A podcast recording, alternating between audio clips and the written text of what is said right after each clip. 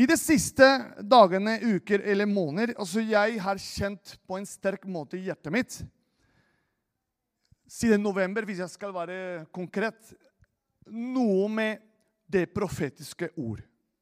Siden jeg har vært her på Betania, siden 2015 Jeg har ikke snakket om eller undervist om det. Dette med profetiske ord.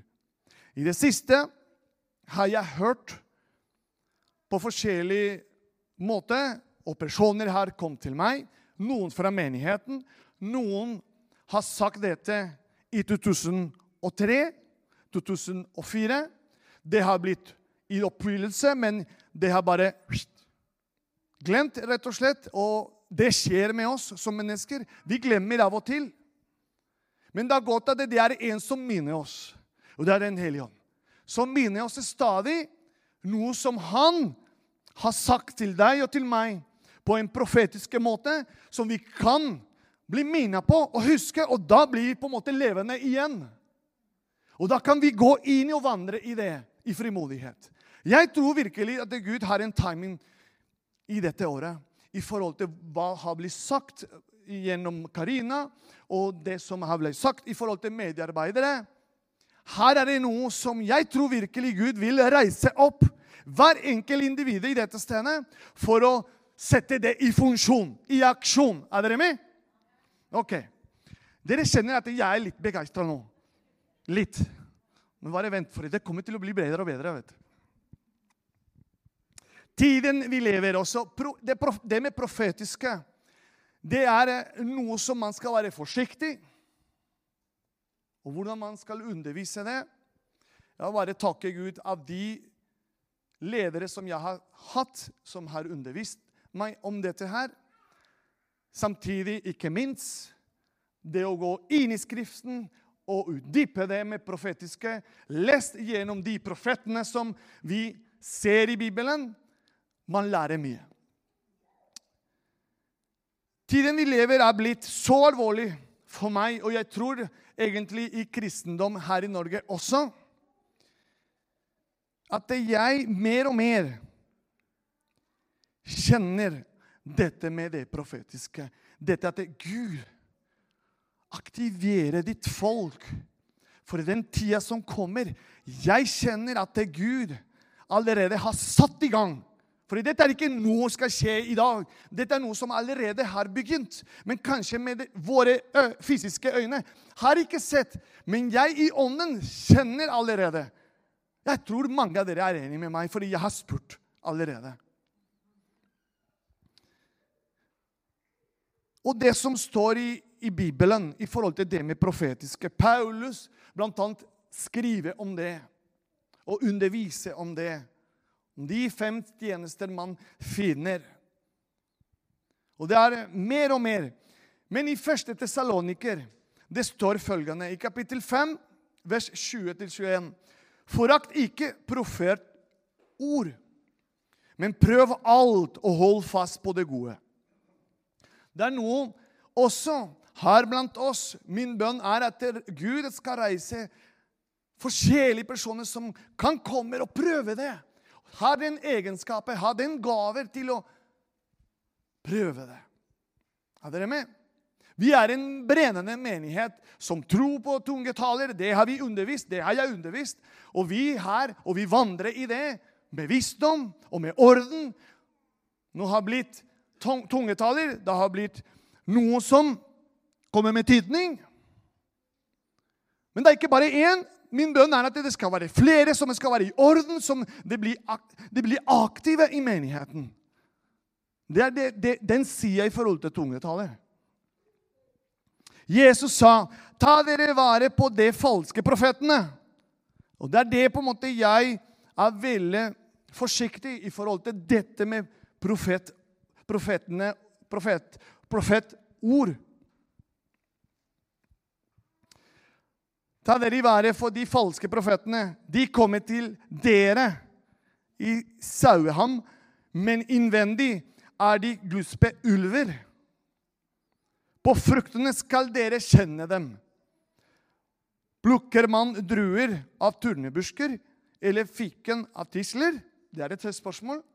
Jeg er ikke her som en profet. Hørte dere hva jeg sa? Jeg er her for å formidle det Gud har lagt i hjertet mitt i forhold til den evne som er profetord. Hva er en profeti? Hvis vi, man kan starte med det. Hvis du har hørt om det tidligere eller før i din vandre med Gud. Hva er en profeti? En profeti er et budskap som kommer fra Guds trone og Guds hjerte. Paulus sier i sitt første brev til korintene 14.3.: Men den som taler profetisk, taler for mennesker til oppbyggelse, formaning og trøst. Og det er det jeg skal gjøre i dag. Det er det jeg kjenner i mitt hjerte.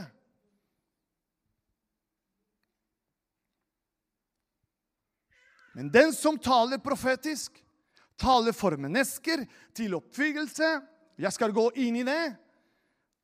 Formaning. Jeg skal gå inn i det. Og trøst. Det er i Korinterbrevet, men i Romerbrevet. Paulus sier også noe om dette her. Det er nådegavelister.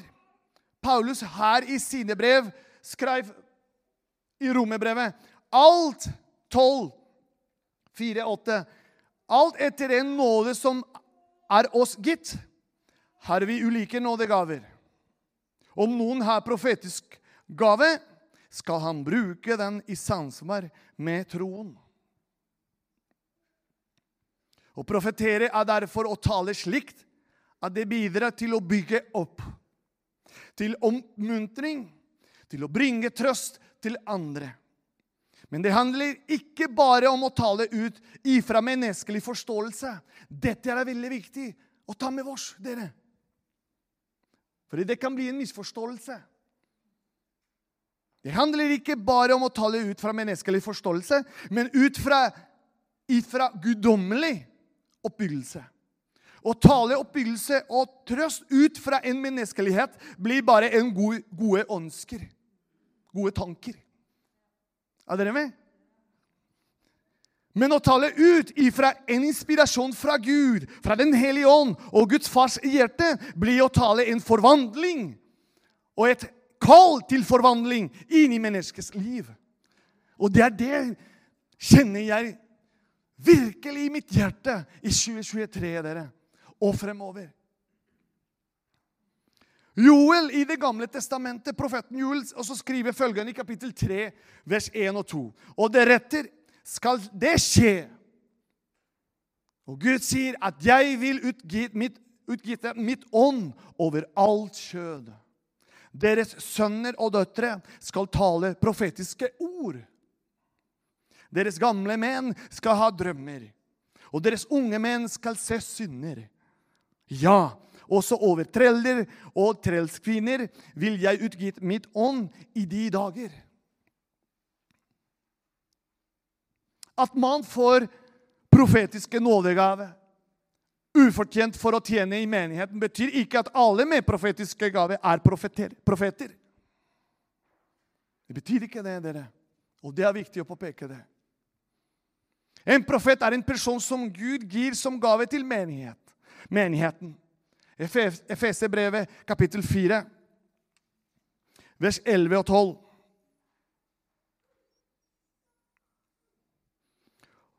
Og han, Gud, Jesus, ga noen til å være apostler.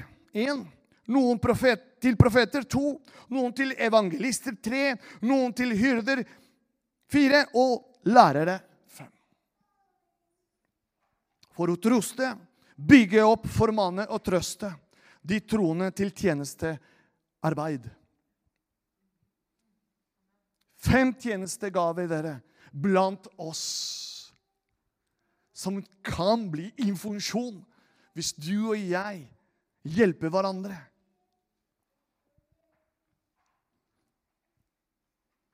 En profet.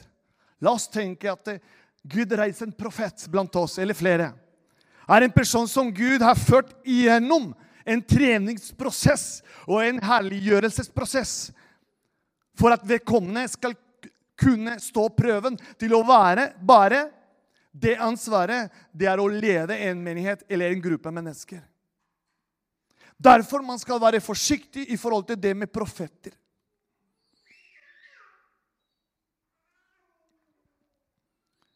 Men å betjene mennesker med det profetiske ordet og fungere i en profetisk tjeneste kan man gjøre uavhengig om man er en prøv og anerkjent profet eller har profetiske nådegave eller ikke, så lenge man gjør det ut ifra et hjerte fylt dere, av Guds kjærlighet til menneskene man skal betjene med det profetiske ordet.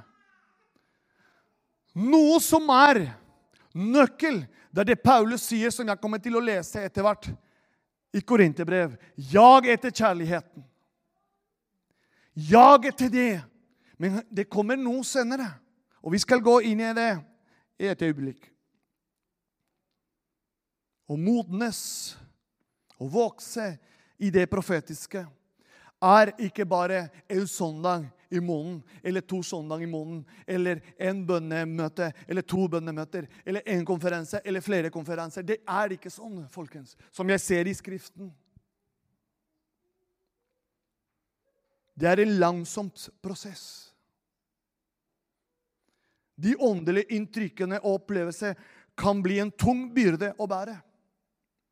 Samtidig kan sår og vonde opplevelser fra fortiden gjøre det vanskelig å fungere i det profetiske på en sunn måte. Det er utrolig vanskelig for meg å stå her etter så mange år, dere. Og jeg tar en liten parentes. For i 2003 fikk jeg opplevd og hørt dette med profetiske ord på første gang, og jeg skjønte ingenting. Det kan hende du sitter her og skjønner ingenting det jeg sier. Men min, mitt mål og hensikten med i kveld er at du i hvert fall skal starte og anerkjenner og ser etter dette med profetiske som står i Skriften. Ikke bare det Fernando eller andre står her og sier, men hvordan er i linje, parallelt med Skriften, relaterer vi oss til det profetiske ord. 2003 Tyskland var jeg aktiv som fotballspiller. Var i min eh, en, Ja, tror jeg. fordi det var her i Norge som jeg spilte veldig bra fotball. Min beste året var her i Norge. Men i Tyskland jeg begynte å bokse sportlig. Men kom den dagen Faktisk, Det var en gudstjeneste på søndag hvor jeg kom sist, kom sein etter kampen. Kom forsiktig med treningstøy. Og så prøv å gjemme meg blant forsamlinger for at pastor skal ikke påpeke eller si noe til meg. Jeg satt meg forsiktig. Der hvor dere sitter, eh, Nikisa og Grace. Sånn. Men han så meg, vet du. Og jeg merka at han kikka på meg, og så Ja. Og jeg trodde nå kommer det etter møtet. Hvorfor kom du seint? Nei, men det kom ikke det. Og det er ikke det på en måte jeg skal fortelle. Mens han talte, mens møtet gikk, og så på slutten Det var for bønn. Og da spurte han noen av dere kjenner det å komme fram. Jeg har lyst til å be for deg. Å ja, greit. Jeg var i den prosessen til å vite hva egentlig Gud vil gjøre med mitt liv og Andreina sitt liv. For lille Fernando, du var ikke der. Vi holder med på det, men du var ikke der. Så kom den pastor til meg og sa, 'Kan jeg be for deg?' På tysk. Og jeg skjønte ingenting, bare engelsk. Men da var det en tolke som var der til stede. 'Jeg kan oversette', sa han. Og begynte han, pastoren, å be for meg. Og så sier 'Jeg kjenner' i mitt hjerte og si dette til deg. Det er opp til deg om du vil ta imot eller ikke. Da står jeg og begynner han. Forbered deg, Fernando. Og ja, ok. Forbered deg, for Gud har kalt deg til å forkynne Guds ord. Og så jeg var en aktiv fotballspiller. Det var ikke i tankegangene mine og var en forkynner. Men han stoppa ikke der. Han sa, Gud har kalt deg til å være en pastor. Og da ble jeg enda mer stor. Og så jeg var sånn Hæ? Og da kom jeg hjem og sa det til Andreine. Han pastor, han, han, kjenner, han skjønner ikke situasjonen vår. Han sier at jeg skal være pastor. Men jeg vil være fotballspiller fremdeles. Jeg er ung. Jeg skal ikke pensjonere meg ennå. Og så gikk 2003, 4, 5, 6, 7, 8, 9, 10, 11, 12, 13. Ti år senere, dere. Guds timing, det er ikke din og min timing. Også Guds tid er helt annerledes. Og da minte meg Gud det jeg fortalte nå til dere. Jeg sa det til deg. Og takk og lov, jeg begynte på den tida å høre undervisning og søke etter Gud og, hø og høre bibelundervisning og lese ordet. Og mens tida gikk, i den langsom prosess som alle måtte gå igjennom Altså, kanskje du er inne i en ny prosess. Kanskje du er ferdig med den andre prosess som Gud allerede har begynt i, liv, i livet ditt. Men det kom til 2013 i oppfyllelse, den profeti i mitt liv. Derfor sånne typer kvelden. Jeg syns det er spennende, dere. Når Gud begynner å gjøre og, og røre hjertene våre og forberede. Ok, 2023, hva er det du har lyst til? Hva er det du kjenner? Hva er det du har tenkt? Hva er egentlig du har på hjertet ditt i forhold til meg? Det er det spørsmål som Gud stiller, ikke bare i starten av året, men stadig. Han vil fornye det forholdet du har med ham. Han vil nærmere nærmere det med bønn og faste. Det er ikke bare for å være en menighet så, så åndelig er Betania. Faste og bønn og greier. Nei, det er for å gå nærmere til ham. Det er for å starte året nærmere til han og lære av han og lære av hverandre at vi kan komme sammen. Det er hensikten dette med bønn og faste. Det er ikke å bli sulta i hjel. Nei. Det er å gå og prioritere tiden din og min til å komme nærmere til Han. Til å komme nærmere til Guds ord. Tenk nå at vi kan den vi, vi har den privilegium til å komme sammen en uke. Hæ? Dette, det, det, er dette som på en måte Gud minte meg stadig i det siste. Og det er ikke bare det, som, det som skjer i 2003, men det er stadig nye ting. Nye ting. Dette med språk. Jeg skal lage mine ord i dine munn, sa han en gang. Men jeg skjønte ikke det. Det skulle vært på norsk. Sigurd. Jeg trodde det var på spansk, men det var norsk. Han mente. Men hva skal jeg si, Herre? Nei, forbered deg. Vær, vær frimodig. Vær modig og sterk. For jeg skal være med deg overalt hvor du går. Stadig det ord kommer. Fordi det er det ordet Etter jeg fikk den profetiske ord i mitt liv, det kom en ny. Jeg skal være med deg overalt hvor du går. Uansett. Amen. Og jeg tror Gud sier det til oss i kveld. Jeg skal være med deg overalt hvor du går. I 2023 jeg skal være med deg overalt hvor du går. Hva betyr det egentlig? For deg og for meg. Da kan du reflektere det hjemme. Men dere er en fiende som alltid er ute etter å forvrenge og kvele det sone karismatiske engasjement til både enkeltpersoner og i menigheten. Det er alltid noe som skal skje etter i kveld, som vil kneke hindre det du har hørt i dag, det du har hørt fra Guds ord. Dette med profetiske Nei, Fernando. Sorry, altså. Nei, nå er det gått for langt. Dette med profet Nei, nei. Sånne type tankegangen djevelen alltid vil bygge opp. Og det er opp til deg og meg hvis vi skal høre det eller ikke. Derfor vil jeg komme med et varsel. Det kommer garantert når dere går gjennom den døra. Det vi har snakket om i kveld. Men vær frimodig, for han skal være med deg og med meg overalt hvor vi går. Amen. Der er det en løfte som vi må bare ta tak i og holde fast.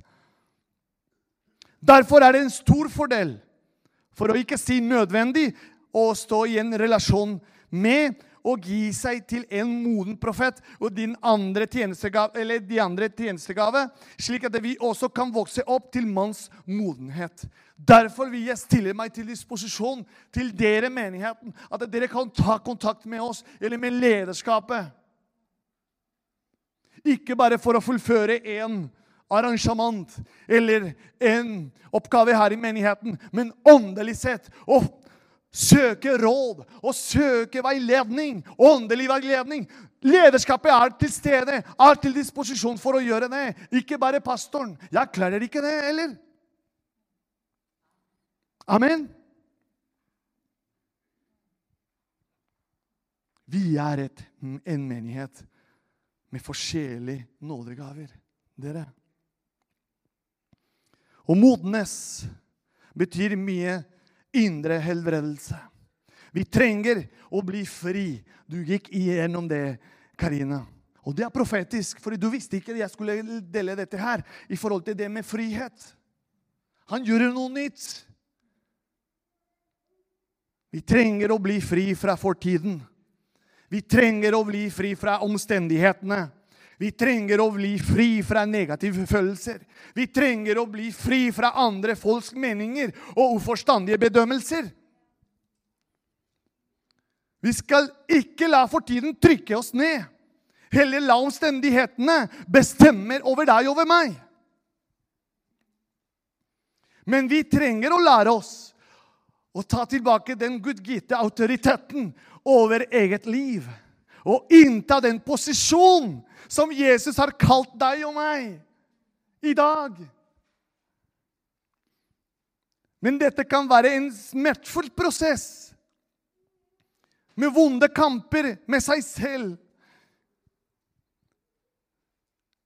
Som sagt, det kan være vanskelig i starten, dere.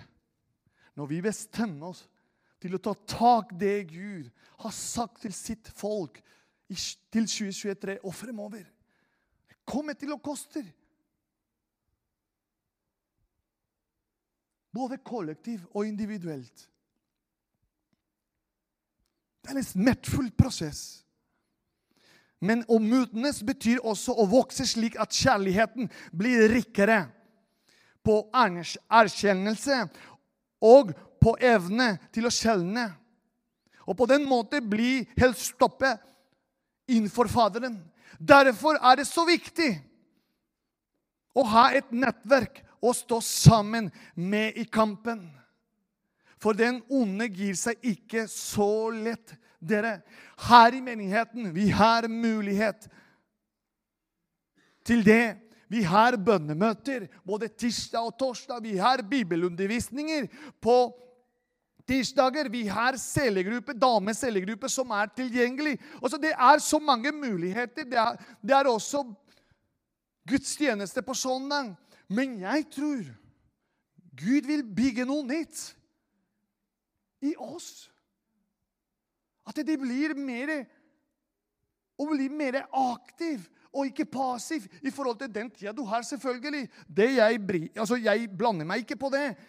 Men du vet hvilken tid du har tilgjengelig. F.eks. medarbeidermøte. Hva er det du tenker når det ble sagt her fra Rolf Harry? Igjen medarbeidermøte. Hva, hva, de vil hva jeg skal gjøre? Nei, det, det handler ikke om det. Det handler om å finne den gave, den potensielt gave du har inni deg. Og vi som lederskapet og menigheten anerkjenner det og bygger opp og muntrer deg til å gå inn i det Gud har kalt deg.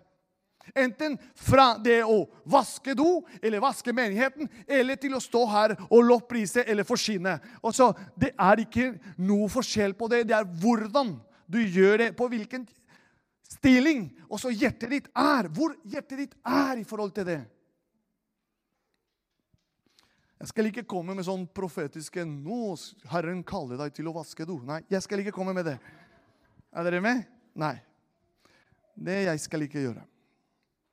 I Matteus 24, noe som er et profet, profetiske ord, hvor Jesus sjøl kaller oss til det. Så kanskje du har ikke forstått det, men jeg skal lese det. Det står i Matteus 24, vers 14. Og dette evangeliet, Guds ord, det vi hører, det vi forsyner, om riket skal bli forsynt over hele jorden til et vitnesbyrd for alle folkeslag. Og så skal endene komme.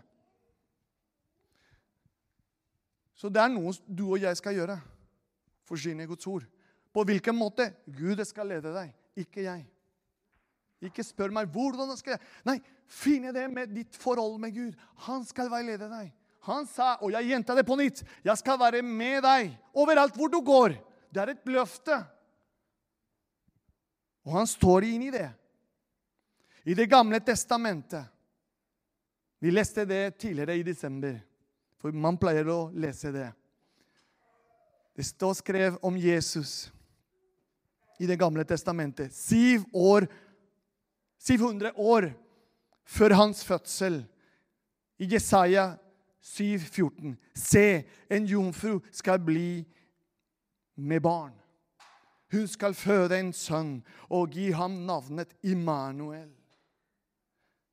Litt videre, Jesaja 9, 6 står følgende For et barn er oss født. En sønn er oss gitt.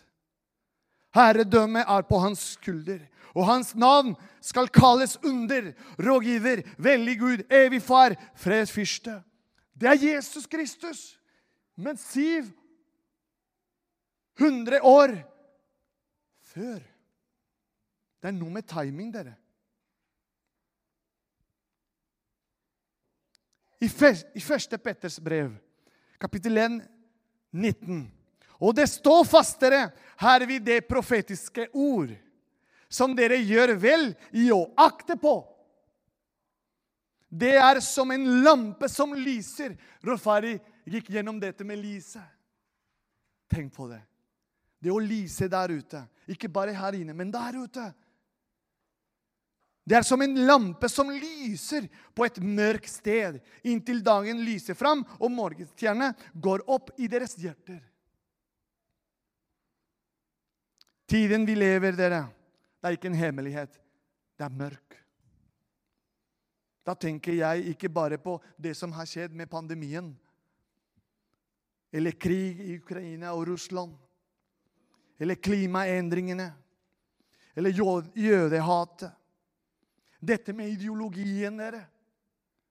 Forvirring i forhold til ideologien. Forvirring av den lære som er på skolen. Men i en slik mørk tid som er nå, har vi noe som er fast og sikker. Halleluja. Og det er det, det som står i denne boken, det profetiske ord. Han skal skinne som Råferdig gikk inn på. Han skal skinne. Johannes sa det. 'Jeg skal avta. Han skal vokse i meg.' La Herren, la Jesus ved sin Hellige Ånd vokse i deg, så man kan skinne hvem han er i deg. For det handler ikke fra oss, men gjennom oss. Og det er det virkelig jeg tror Gud taler til oss i kveld. Det handler ikke fra dere, men gjennom dere jeg skal gjøre min verk, og dere skal kjenne. For i min ånd er i dere og gjennom dere. Amen?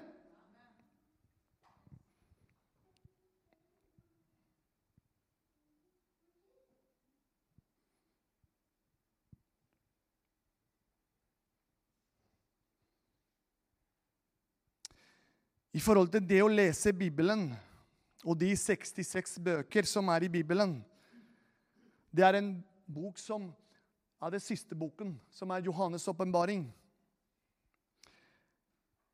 Og hørt hva det står der i kapittel 1, vers 3. Særlig er de som leser, og de som hører det profetiske ord, og tar vare på det som står skrevet, for tiden er nær. Dette er ikke noe emosjonelt som jeg kommer med. Dette er bibelske og reell og levende. For Guds ord er levende, folkens.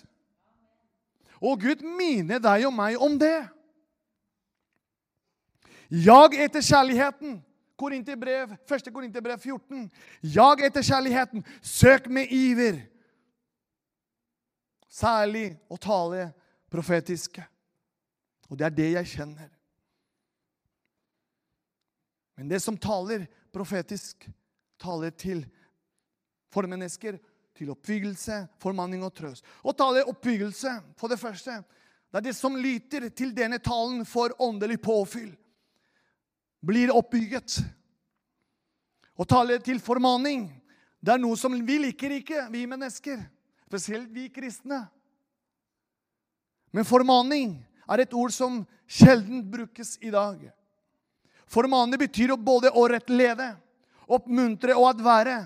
Med kjærlighet. Med Jesus kjærlighet. Ikke med det jeg kommer med. Hva er det det jeg, min agenda vil? Nei, det er det Jesus ved sin ånd leder meg til å advare, til å formane, til å rettlede og til å oppmuntre dere. Stadig trenger jeg som kristne hjelp til å korrigere mine tanker og prioriteringer. Selv om vi tror på Jesus og har Den hellige ånd i oss, dras vi også mot synden. Og gi trøst Profetiske taler fungerer slik at gleden kommer sterkere tilbake i livet når du opplever sorg eller har mistet motet. Og til syvende og sist så lovsangen kan komme fram. Og det siste punkten før jeg avslutter å avsløre synd. Når Gud lar en tale, et vitnesbyrd, fungere som profetiske tale, så kan både kristne og ikke-kristne oppleve at synd avsløres. Da hører du fra Gud. Du må vende deg. Du må komme tilbake til meg.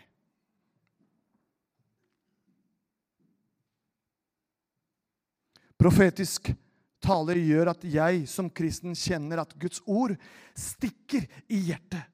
I Aposteles gjerninger 2,37 det står da de hørte dette, stakk det dem i hjertet. Så jeg ber dere å reise dere opp, for jeg vil gjerne gjøre noe i praksis og handle etter det jeg har formidla i kveld. Så hvis dere kan reise dere opp, dere som kan Og mens dere beveger seg litt, og lovsang Du kan spille lite grann eh, Inger, før vi skal prise Gud. Profetisk tale i vår tid, dere, må aldri komme med ny lære i forhold til den som er åpenbart oss gjennom Jesus og apostlene. Skriften alene gir oss Guds åpenbaring og sannheten. Det er i strid med Guds vilje å legge til noe. Jeg siterer fra Bibelens siste bok. Jeg vitner for annenhver som hører ordene i denne profetiske boken. Og noen legger noe til, skal Gud legge på han eller henne de plagene som det er skrevet om i denne boken. Johannes' åpenbaring 2, 20, vers 18.